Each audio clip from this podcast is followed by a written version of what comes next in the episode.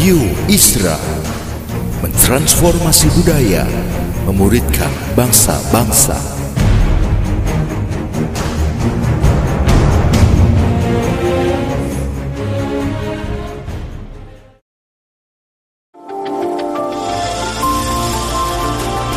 Voice of Pradaim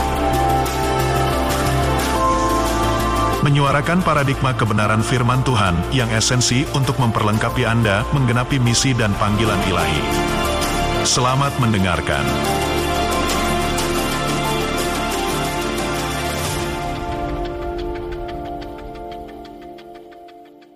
Semua berubah, saudara perlu tahu bahwa pandemi ini sebenarnya memurnikan gereja. Ya, nggak banyak yang sadar itu. Begitu kita melewatinya atau katakanlah kita selesai dalam pemurnian. Pemurnian nanti dulu pemurnian nggak ada urusan dengan penghukuman apa segala enggak. Itu cuman lepasin benalu-benalu dari hidup kita. Nah saudara setiap kita akan hidup dengan janji tadi. Tanda-tanda ini menyertai orang percaya. Itu, itu luar biasa. Oke, okay. ya, ini bukan uh, sok-sok kasih judul, tapi ini semua staf, semua staf kepemimpinan, ini pergumulan kita. Kita doa, bertukar pandang, duduk ngobrolin lagi gitu kan. Bener nggak sih ini kira-kira? Nah judul kita yang lalu kan Connect in Crisis gitu kan. Nah, itu sendiri saudara bisa nggak muncul jadi perbedaan? Krisis mengekspos siapa kita. Buat orang lain krisis di masalah, Buat kita justru dia mengekspos siapa kita. Tentu perbedaannya di gaya hidup kita. Gaya hidup kita dengan Tuhan membuat kita berbeda. Nah, contohnya kan kita sudah ikut pengajarannya Yusuf paling luar biasa lah ya. Cerita Yusufnya enak. Tapi saudara mau jadi Yusuf betul-betul. Kamu cuman mimpi, seluruh keluargamu mau bunuh kamu. Kamu cerita mimpi kamu dari Tuhan itu kasarnya kalau sekarang sok banget sih lo gitu, gitu. Sok rohani lah, sok segala macam gitu. Padahal dia cuma cerita dia bermimpi seperti ini. Yang punya ide bunuh dia itu justru namanya Lewi. Yang akhirnya itu jadi imamnya Tuhan. itu. Yang menyelamatin dia namanya Yehuda. Tapi cara nyelamatin itu juga dijual ke Mesir. Ya kan? Ini orang asing sebagai orang asing datang ke Mesir masuk penjara lagi itu kan krisis. Tapi apakah kamu lihat dia lemah, dia lesu gitu? Apa dia jadi murtad gitu? Di penjara jadi kepala penjara. Nah ini cerita cerita besarnya aja ya gitu. 13 tahun. Pernah pikir nggak di mana dia sekolah, kuliahnya apa? Keluar dari penjara jadi menteri tanpa lemhanas. Aneh kan? Tapi itu krisis mengekspos siapa kamu di tengah krisis kehidupan tahun ke depan nggak tambah baik saudara. Tapi kita orang percaya memang harus berbeda. Nah itu sebabnya temanya connected with the word of God. Karena cuman firman. Kamu tahu Yesus itu Tuhan siapa? Karena firman yang kasih tahu. Kamu tahu roh kudus, kamu tahu apa aja. Siapa? Firman. Jadi jangan yang lain terhubung dengan firman Allah. Kira-kira gitu. Ya. Ada dua hal. Yang pertama, berjalan dalam roh itu sinonim dengan berjalan dengan firman.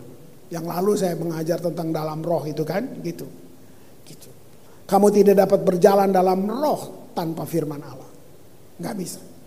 Firman segalanya saudara. Gitu. Nah firman tanpa roh huruf mati.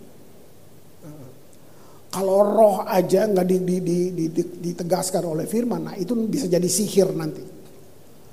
Banyak yang ngaco di situ, ya kan? Nah, jadi dia itu sepakat. Bagian keduanya roh dan firman itu sepakat. 1 Yohanes 5 ayat yang ketujuh. Ya, 1 Yohanes 5 ayat yang ketujuh. Sebab ada tiga yang memberi kesaksian Gitu. Sebab ada tiga yang memberi kesaksian di dalam sorga. Bapa, Firman, dan Roh Kudus. ketiganya adalah satu. Nah, hari ini bukan waktu mau jelasin Trinitas, tapi sulit banget kalau kamu nggak ngerti, kamu nggak dalam firman, kamu akan bingung. Kok Tuhanmu tiga sih? Gitu. Nah, itu cuma bicara fungsi yang dibagikan, tapi Allah kita satu. Ya, The Passion bilang ini, jadi kita mempunyai tiga saksi tetap yang memberikan bukti mereka. Ini mesti kamu yakin sungguh-sungguh. Gitu. Nah, kenapa kita kalah? Kenapa kita banyak? Nah, ada, ada, ada. Ada penderitaan orang percaya yang lewati tujuannya lain. Bukan hukuman. Bukan, bukan, bukan. Nah itu. Gitu. Tapi kebanyakan kita kalah karena memang kita nggak hidup. Kita dengar kita ke gereja, kita dengar firman, pulang lupa lagi. Nah kenapa? Karena kita jalanin hidup kita dengan cara-cara dunia, sistem dunia. Di dalam kita yang tersimpan filsafat-filsafat tambal sulam yang kamu dapat di luar, buku-buku yang kamu punya, perpustakaan kamu, tapi bukan firman. Semua saya juga lewatin itu banyak hal. Sembari Waktu kita kembali ke firman, saya baru bilang, wow, saya nggak boleh tinggalkan ini. Inilah saudaraku, ya. 2 Korintus 3 ayat 18. Nah, ini kita yang sebenarnya.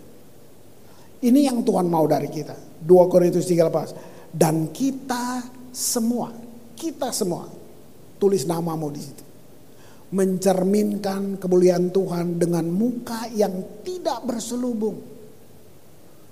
Tapi kenapa orang belum lihat ya? Ini loh, kita mencerminkan kemuliaan Tuhan dengan muka yang tidak berselubung. Dan karena kemuliaan itu datangnya dari Tuhan yang adalah roh, maka kita diubah menjadi serupa dengan gambarnya. Hanya kekristenan yang sampai di sini nih, percaya ini serupa dengan gambarnya. Kamu akan seperti Kristus. Ini benar, ini benar saudara. Kenapa kita meragukan ini? Nah ini karena karena jujur apa coba didefinisi ulang kekristenanmu. Lebih banyak mana sih yang memenuhi kita firman atau pengetahuan umum itu? Bukan saya anti, tapi itu sampai di situ aja terbatas kan? Sampai di situ aja terbatas. Lihat itu. Kita semua mencerminkan puluhan Tuhan dengan muka yang tidak berselubung.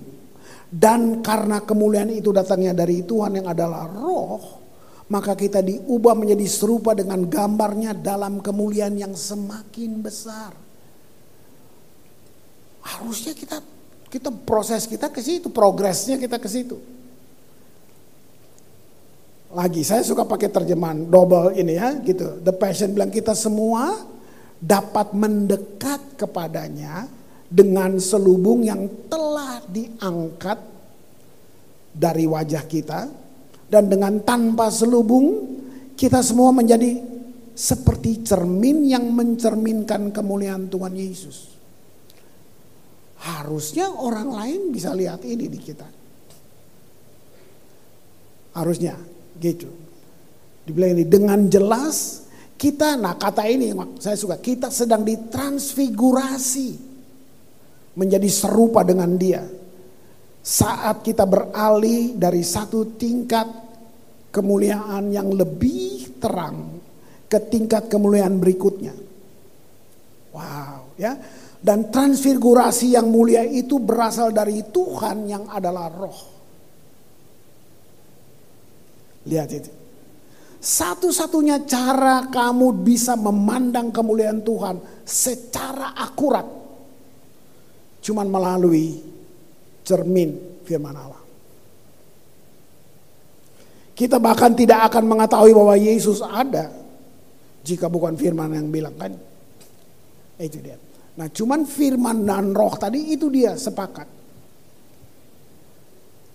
Wow saudara ini awal bulan di mana Tuhan mau kita kita kita ke sini. Saya sudah saya sudah bilang, cuman saya menjaga jangan ngomong sembarang di mimbar aja. Cuman kehidupan bukan lebih baik di depan, tidak.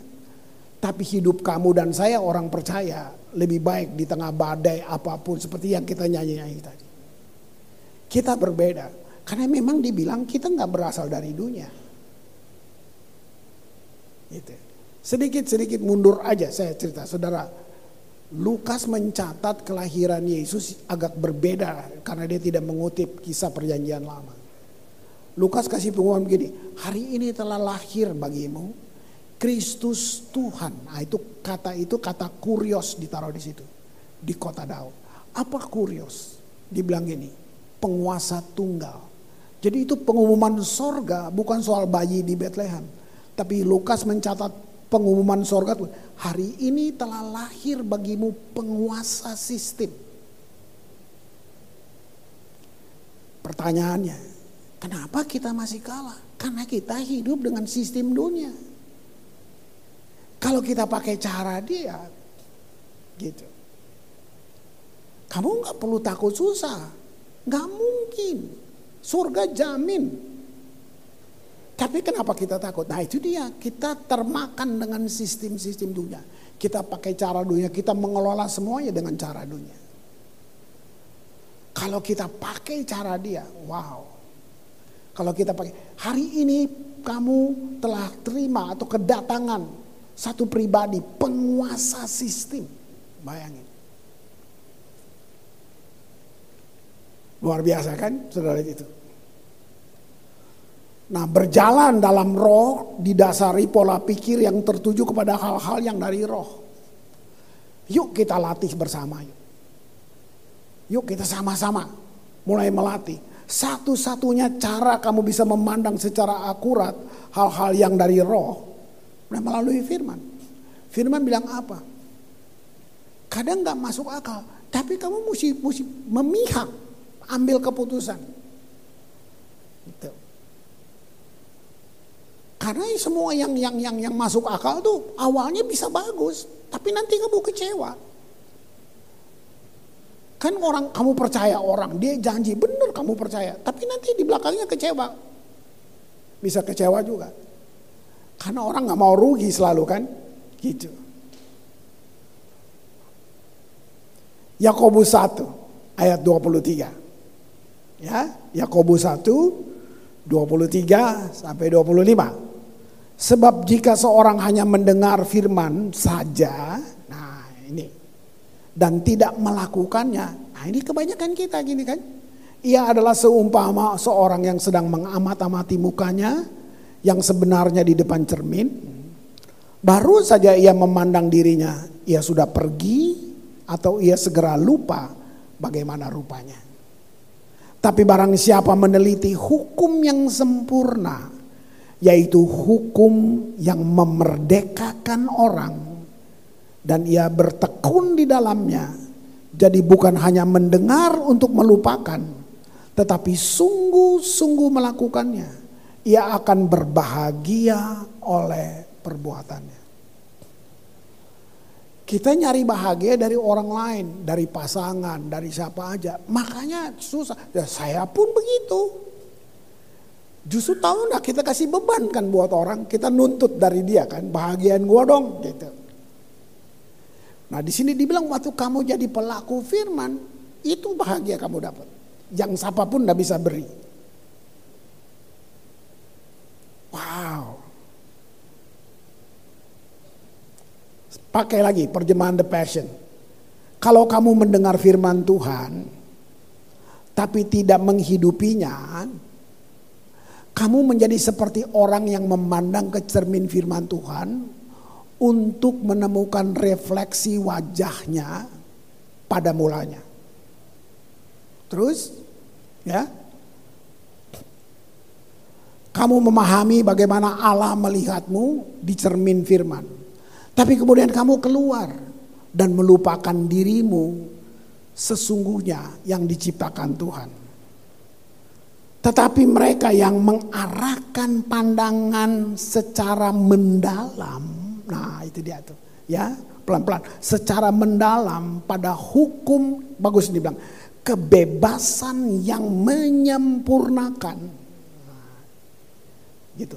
Menjadi terpesona dan meresponi kebenaran yang mereka dengar.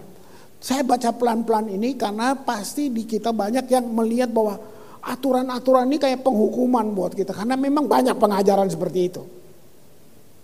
Kalau kamu nggak begini, kamu nggak begini. Padahal nih lihat-lihat Tuhan tuh Roh Kudus itu melihat melatih saudara dengan dunia berbeda. Bagi saudara yang bertobat laki baru berbeda. Gitu. Dia bawa saudara kepada hal lain. Gitu. Tapi mereka yang mengarahkan pandangannya secara mendalam pada hukum kebebasan, yang menyempurnakan menjadi terpesona dan meresponi kebenaran yang mereka dengar. Lihat, sehingga mereka dikuatkan olehnya, mereka mengalami berkat dalam segala yang mereka lakukan. Saudara, berkat itu akibat dari kamu melakukan atau kamu hidup dengan firman. Berkat itu bonus. Apa bonus? Beli mobil dapat payung. No kok lu kejar payung sih? Ah, ya. Waktu saya ini saya ingat gitu. 82 saya bertobat. 83 saya mulai pelayanan. Tentu belum berkhotbah dong. Enggak lah. Apakah saya ngerti? Sama sekali nggak ngerti. Emosi bisa. Tapi Tuhan nggak salah. Saya masih mencari-cari ini benar nggak sih? Iya kan? Nah saya ingat, saya malah ini di Bandung ya cuma nyanyi itu tadi. Ke mana-mana bawa gitar. Tidur di keluarga. Bahkan dia backgroundnya Katolik, Manado. Dama Poli. Sekarang anaknya, anaknya di Youth Mission. Sekarang mengembalakan di Holland. Nah saya ingat kita duduk sarapan pagi, dia dia sampai breakfast dia ajak saya ngobrol tentang Chris dengan logat Menadonya. Ngana bawa terus tuh Alkitab. Nanti Alkitab bawa Ngana ke mana-mana. Saya belum pernah dengar pendeta ngomong gitu. Cuman buat saya juga maksudnya apa? Nggak jelas. 10 tahun, 20 tahun hari ini saya bisa bilang. Saya sudah beberapa benua saya pergi bawa istri saya. Apa bisnis? No, Alkitab. Israel aja lebih dari 15 kali ini. Maksudnya, saya, apa yang bikin Alkitab? Terus saya gila tuh Om Damapoli. Dua hal dia bilang, ngana pikul terus tuh salib. Nanti salib pikul ngana. Wih, maksudnya dengan segala keterbatasan, dengan apa aja, wow. Setelah waktu berjalan, baru saya coba lihat ke belakang. Benar loh apa yang dia bilang. Wow. Kita tidak mengetahui apa yang ada dalam roh kita melalui panca indera. Nggak bisa, nggak bisa. Jiwa menyentuh jiwa, pikiran hanya menyentuh pikiran. Dia nggak bisa coba masuk ke dalam roh. Sudah lihat itu. Gitu. Tapi kita mengetahui apa yang ada dalam roh kita yang telah lahir baru. Dengan melihat ke dalam firman. Wow, luar biasa saudara. Jadi roh itu dia mengilhami firman yang tertulis itu. Loh Alkitab kita sama kan, tapi kenapa kita tidak ngalamin? Nah karena itu kamu cuma lihat firman kayak baca buku biasa, ya dia jadi huruf mati. Tapi waktu kamu lihat dan kamu izinkan Roh Kudus, kamu kamu kamu kayak kamu lapar mau Tuhan, saya saya mau tahu lebih banyak misalnya kan. Bahwa saya dalam pengalaman yang baru, pernah nggak ngobrol sebebas-bebasnya dengan dia? Kan dia Tuhan kamu. Begini, saya nggak lebih dari saudara. Itu itu pengajaran salah, saudara. Kita semua sama di mata Tuhan. Cuma berbeda fungsi. Masa darah Tuhan Yesus separuh buat kamu karena saya hamba Tuhan jadi penuhnya buat saya? Enggak dong. Di mana sih masa Tuhan? Kamu mau ikut Tuhan yang gitu? Kita sama. Cuman saudara, itu dia ketidak Maksud saya sama gini, kita semua hamba Tuhan. Kalau enggak lu hamba siapa lo? Hmm. Kamu, saya ibu rumah tangga, ini dia yang salahnya di sini. Firman bilang apa buat kamu? Kita semua hamba Tuhan. Bahkan saya mau bilang, kalian lebih hebat. Kenapa? Mimbar saya segini aja. Hari Minggu lagi. Mimbar kamu di luar, di dunia kerja. Wow, besar banget. Bahasanya macam-macam. Di situ kamu harus jadi saksi. Nah, saya perlu bilang, bilang satu kelemahan di sini, kelemahan dari gereja yang tidak mempersiapkan orang ke dunia kerja. Kita hanya tarik orang untuk datang ke sini, mengabdi di sini, jadi pelayan di sini, padahal di sana orang lagi menjerit. Harusnya kita benar-benar equip semua jemaat di sana. Artinya begini, kamu bisa jadi rasul di dunia kerja. Kamu bisa jadi nabi di dunia kerja Tempat kantormu itulah pengembalaan kamu. Bahasanya tentu beda. Di sini shalom pak. Wah di sana nggak ada. Jadi sebenarnya kamu punya yang lebih. Nah kalau kamu hidupi ini, jadi kalau ini yang ini bisa aneh. Pak kerjanya apa pak? Saya melayani Tuhan sambil jadi dokter. Hah? Dokternya sambil? Aneh. Papa gila ya, tunggu aja nanti yang gila beneran dia apa kamu. Nah. Ini dari firman yang janji tadi, kamu seperti Tuhan, bayangin. Kerjanya apa pak? Ya saya gubern, melayani Tuhan sambil jadi gubernur. Sambil pak. Kamu nggak perlu korupsi, kamu nggak perlu tergores, karena, karena kamu tahu banget. Kamu tahu banget Firman bilang apa? Kalau kamu susah, Tuhan yang malu. Karena kamu anaknya. Kamu sahabatnya. Mau lebih tinggi lagi, kamu mempelai. Nah, ambil kesimpulan ini. Murah dong, masa Tuhan mati buat kita begini aja? Cuman ini kembali lagi, ini tentang mana sih kita pilih mana? Begitu Adam makan buah pengetahuan baik dan jahat. Kamu tahu nggak? Roh yang berperan tadi mundur, jiwa yang ambil alih. Sejak itu manusia selalu menguatkan jiwa. Jiwa nomor satu, jiwa nomor satu. Buah pengetahuan baik dan jahat. Begitu Adam makan, Adam mengembangkan kemampuan jiwa, kemampuan berpikir, kemampuan semuanya tanpa Tuhan. Nah kita sekarang seperti itu. Tapi waktu kita lahir baru, firman mau berubah kita kembali ke sana. Coba, coba. Di Taman Eden.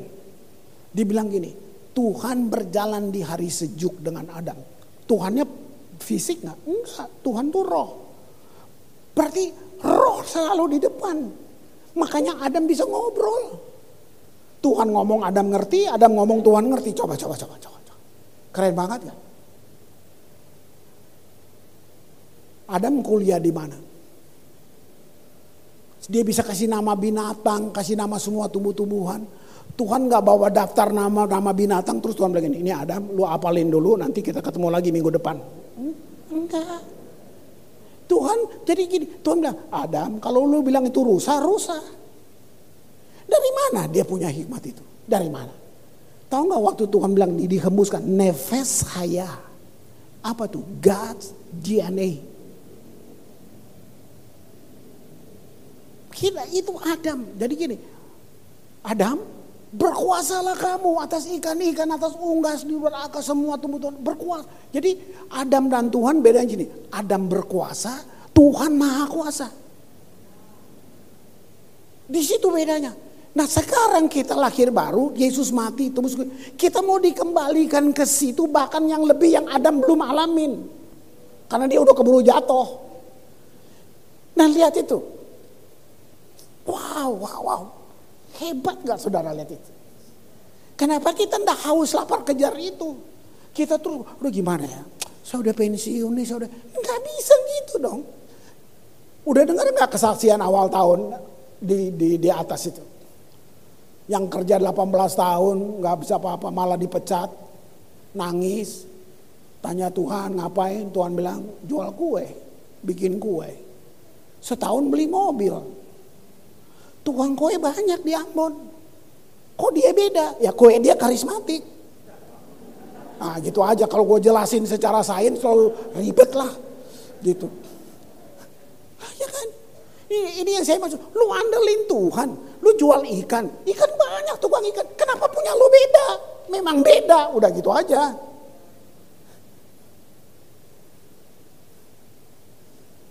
Kan ini wow keren banget. Ya.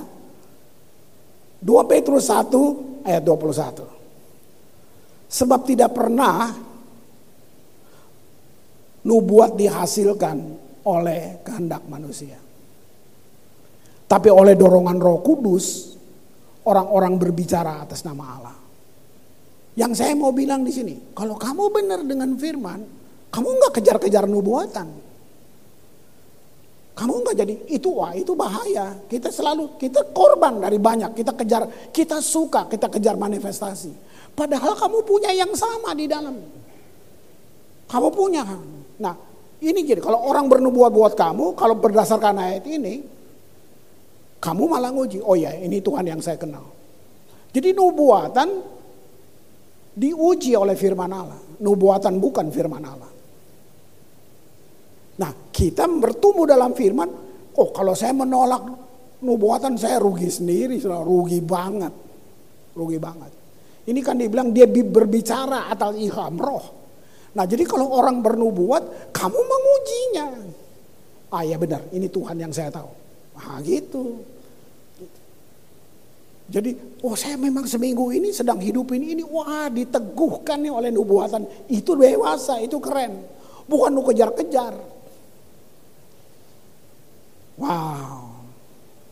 The passion. Tidak ada nubuatan yang benar berasal dari inisiatif manusia.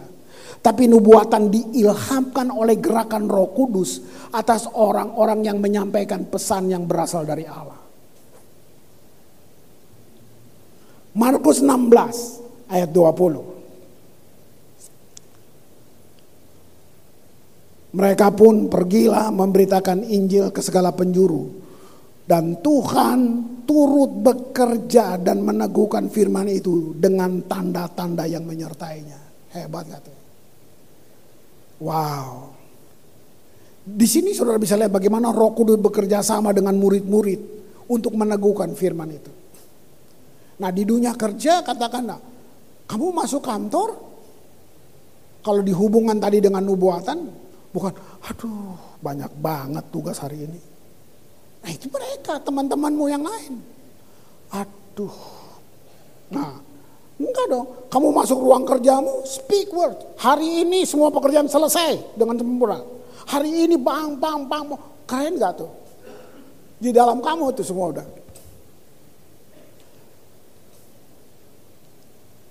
Karena itu tadi, kamu hamba Tuhan berprofesi. Luar biasa. Saya ngobrol dan satu pasangan.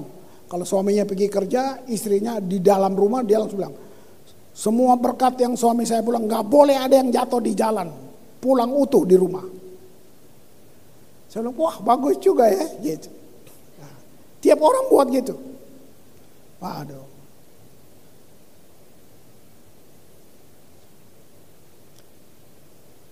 Passion, the passion para rasul pergi memberitakan kabar baik ini ke mana pun. Artinya sampai di dunia kerja ya. Jadi kamu rasul di dunia kerja. Cuma kadang aneh. Yang aneh justru gereja. Kenapa itu dikumpul di gereja cuma di dalam tembok ini. Makanya RT juga nggak berubah. Justru kamu jadi rasul keluar. Kamu jadi nabi, bukan bikin kartu nama, bukan gitu. Joni nabi. Enggak gitu. Enggak gitu. Iya kan? Orang bisa kira lu dukun, enggak apa-apa. Memang kamu punya lebih dari dukun malah. Gitu. Kok kamu bisa selesai? Udah tadi pagi-pagi Tuhan udah ngomong sama saya. Loh itu bukan bukan bukan bahasa basi, memang begitu. Memang begitu. Memang begitu. Lihat itu. Karena Tuhan sendiri dibilang ini senantiasa bekerja sama mereka. Meneguhkan pesan yang mereka beritakan dengan tanda-tanda dan mujizat. Wow. Nah di sini kita lihat roh tidak akan pernah melanggar atau bertentangan dengan firman Allah. Nah firmanlah satu-satunya ya pemandu atau alat uji untuk menguji apakah kamu menerima pimpinan roh atau roh jahat. Makanya dia harus diuji. Itu.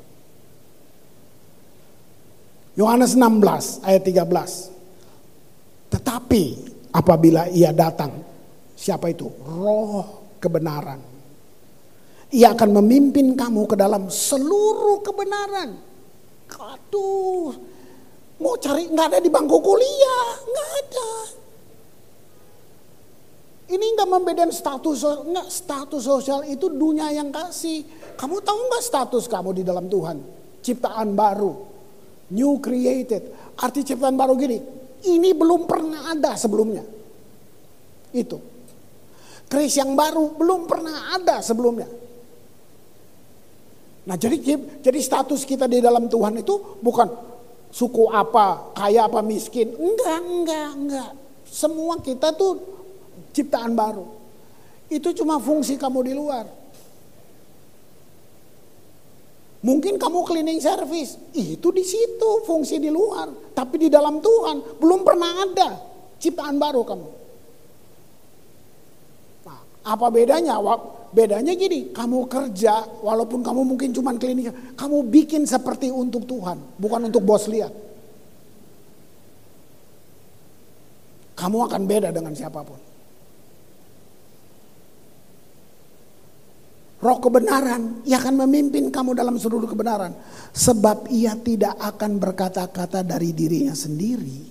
Tapi segala sesuatu yang didengarnya, itulah yang akan dikatakannya dan ia akan memberitakan kepadamu hal-hal yang akan datang. Makanya saya bilang, lebih dari dukun yang akan datang, kamu udah tahu. Lebih dari paranormal. Waduh. Wow, wow, wow, wow, wow. Terjemahan lagi The Passion. Ketika roh yang memberi kebenaran itu datang, wah, dia lebih lebih lebih ya. Dia akan menyingkapkan kenyataan dari setiap kebenaran dalam diri kalian.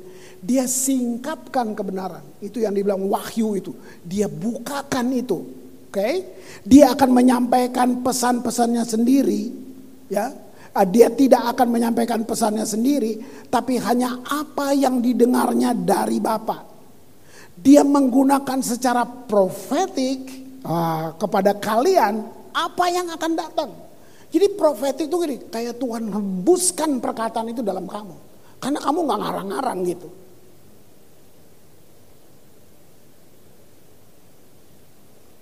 Saya ke Sumatera, saya ke mana-mana, ketemu orang yang 20 tahun lalu mereka ketemu, Pak, Bapak dulu yang nubuatin saya begini, saya nggak ngerti, saya udah lupa. Itu ya iya benar Pak, sekarang saya sedang hidup kayak gitu yang Bapak bilang ini. Aduh. Nah dulu-dulu itu gue emosi apa so tahu ngomongnya gitu. Saya mau bilang saya ngalamin mungkin kamu nggak ngalamin. Hamba Tuhan tunjuk saya gini, Tuhan sakit hati sama kamu. Waduh, udah bagus gue nggak bunuh diri. Tuhan yang sakit hati, saya nangis beneran nangis. Itu nubuatan atau wah waktu saya tahu ini Tuhan Bayangin. Nah saya nonton, saya nonton. Mungkin kita juga dulu-dulu gitu malah Kita gereja nih pakai ketakutan untuk bawa orang taat. Tuhan gak gitu. Tapi orang pikir karena ini hamba Tuhan itu pasti nah, itu dia. Kenapa kamu bodoh? Kenapa kamu bisa ditipu? Karena kamu bodoh. Jadi nanti siapa aja yang khotbah, itu Tuhan, itu Tuhan. Enggak. Jadi bilang teman selalu, dilarang ngoblok gitu. bilang. Nah, kita jangan mau ditipu. Ini makanya kita kembali arahin, ayo pakai firman. Wow.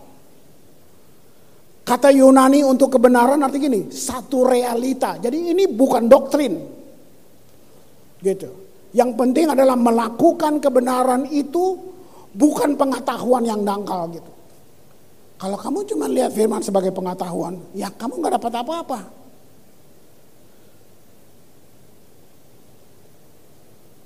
Ya saya batasi jangan karena ini mimbar gitu. Ke depan nggak lebih baik. Tapi kita beda, kita akan beda.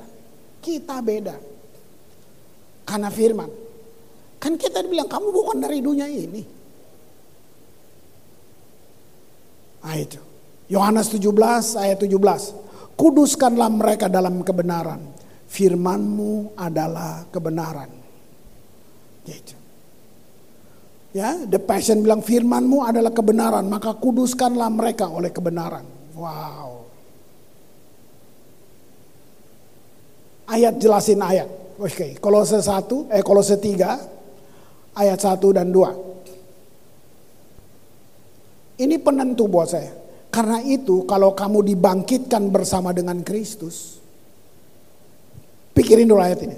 Karena itu kalau kamu dibangkitkan bersama dengan Kristus Berarti gini, kita sama ya dengan dia ya, dibangkitkan. Loh, yang bilang kan firman. Terus gini, carilah perkara yang di atas. Di mana Kristus ada, duduk di sebelah kanan Allah. Pikirkanlah perkara yang di atas, bukan yang di bumi. Menurut dunia ini kamu nggak bisa. Kamu kalau mau naik pangkat mesti bayar. Kalau kamu mau diterima di sini, kamu mesti sogok dia. Itu kan dunia bilang. Berani nggak kamu karena Tuhan kamu susah? Nah itu yang saya bilang ada susah yang beda, bukan susah karena orang Kristen nggak percaya nasib, saudara. Nasib itu fatalisme. Gak bisa. Kita nggak percaya itu. Wow. Pikirlah perkara yang di atas, bukan yang di bumi. Paulus sampai bilang gini, tidak saya nggak mau berpikir yang lain selain Yesus. Kenapa? Yang dunia nggak bisa kasih ada di Yesus. Kalau pilih yang lain, yang masuk akal buat lu, tahu-tahu nanti ketipu lagi. Kita ditakut-takut gitu. Lu sih nggak kasih perpuluhan. Bukan soal memberi itu, waduh, waduh. Tuhan ngomong apa tentang benih, tentang uang. Tuhan gak ciptakan uang. Makanya kalau kamu minta uang, Tuhan juga mikir loh. Gua gak bikin duit kok dia minta sama gue ya. Kenapa uang nilainya naik turun? Karena yang buat manusia. Tuhan janji apa? Tuhan bukan janji uang. Tuhan janji kuasa. Beda saudara. Beda. Nah tapi Tuhan ngomong uang, Tuhan pakai apa? Tuhan uang, Tuhan pakai kata ini, benih. Jadi waktu kamu taruh uang, kamu sedang taruh benih. Nah, begitu kamu taruh benih, sorga punya jaminan buat kamu. Waktu musim kering datang, kamu nggak perlu minta. Sorga jamin, karena kamu sudah taruh benih. Nah, tapi kalau kamu nggak taruh, berarti benihnya kamu makan. Ya sudah, sekarang musim kering datang. Kamu bilang, Tuhan, kok musim kering? Saya kok nggak makan? Tuhan bilang gini, ya benihnya lu makan. Pertanyaan gini, kamu selamat gak? Selamat, cuman lapar. Tapi gereja ngajak, dihukum lu. Nah, jadi semua kita bikin apa-apa karena takut. Jadi kamu lihat gambar Tuhan tuh kamu sejajarkan Tuhan dengan penjahat-penjahat gitu. Ngeri banget gak tuh? Kamu dibangkitkan bersama dengan Kristus? Wow. Carilah perkara di atas. Terjemahan The Passion gini. Kebangkitan Kristus dari antara orang mati adalah kebangkitanmu juga. Karena itulah kita harus merindukan semua yang di atas. Karena di sanalah Kristus duduk bertakhta di tempat segala kekuasaan, kehormatan, dan otoritas. Terus ayat 2 begini, ya nikmatilah semua harta dalam dimensi sorgawi. Dan penuhilah pikiranmu dengan realitas sorgawi dan bukan gangguan yang berasal dari dimensi jasmani. Ya Pak, Tuhan izinkan saya sakit supaya saya rendah hati. Ih, nggak ada orang sakit rendah hati, nggak ada, nggak ada. Itu lu bernubuat buat diri lu sendiri. Carilah perkara yang di atas. Penuhi itu. Bayangin apa tadi dia bilang. Kekuasaan, kehormatan, otoritas. Nikmati. Wow. Wow, wow, wow, wow. Nah ada penderitaan yang yang yang yang konteksnya begini. Untuk membuat kamu melatih mempelai terpilih. Kita ini mempelai terpilih. Jadi penderitaan datang itu sebenarnya melatih mempelai terpilih. Saya terima salah satu bentuk ini, ini mundur ya, mundur 10 tahun. Saya pelayanan di Freeport. Naik ke atas sampai lihat bubur emas itu, itu emas yang sudah murni itu. Wih, biasa lihat bubur ayam, sekarang lihat bubur emas. Wih, bener-bener kaget, kaget banget. Terus ngobrol-ngobrol lah sama mereka di situ. Baru diceritain, kotoran terakhir untuk emas itu jadi murni 24 karat itu kotoran-kotoran dikeluarin kan itu mereka Paling terakhir namanya perak. Nah sudah, uh kaget aja. Tapi saya nggak dapat apa-apa dari situ. Pulang setahun, dua tahun, dua tahun. Lagi di kantor sini. Duduk lagi. Gara-gara persiapin khotbah, tiba-tiba ingat. Perak. Benda yang terakhir dikeluarin dari emas itu perak. Bukankah perak berharga juga? Tahu nggak wahyunya apa Tuhan bilang?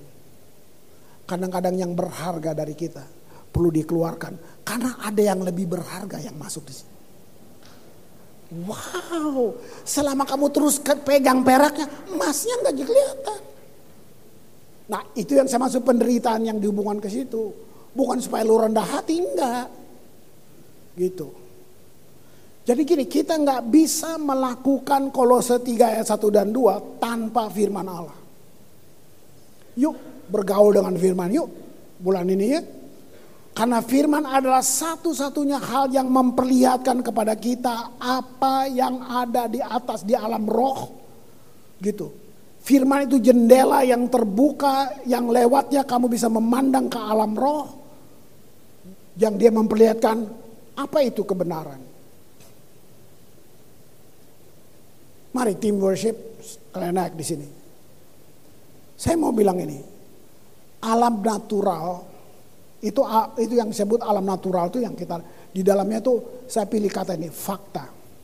Fakta itu apa? Kamu duit banyak, kamu dibilang aduh penuh rezeki itu kan fakta semua. Sakit, ditipu orang itu semua fakta.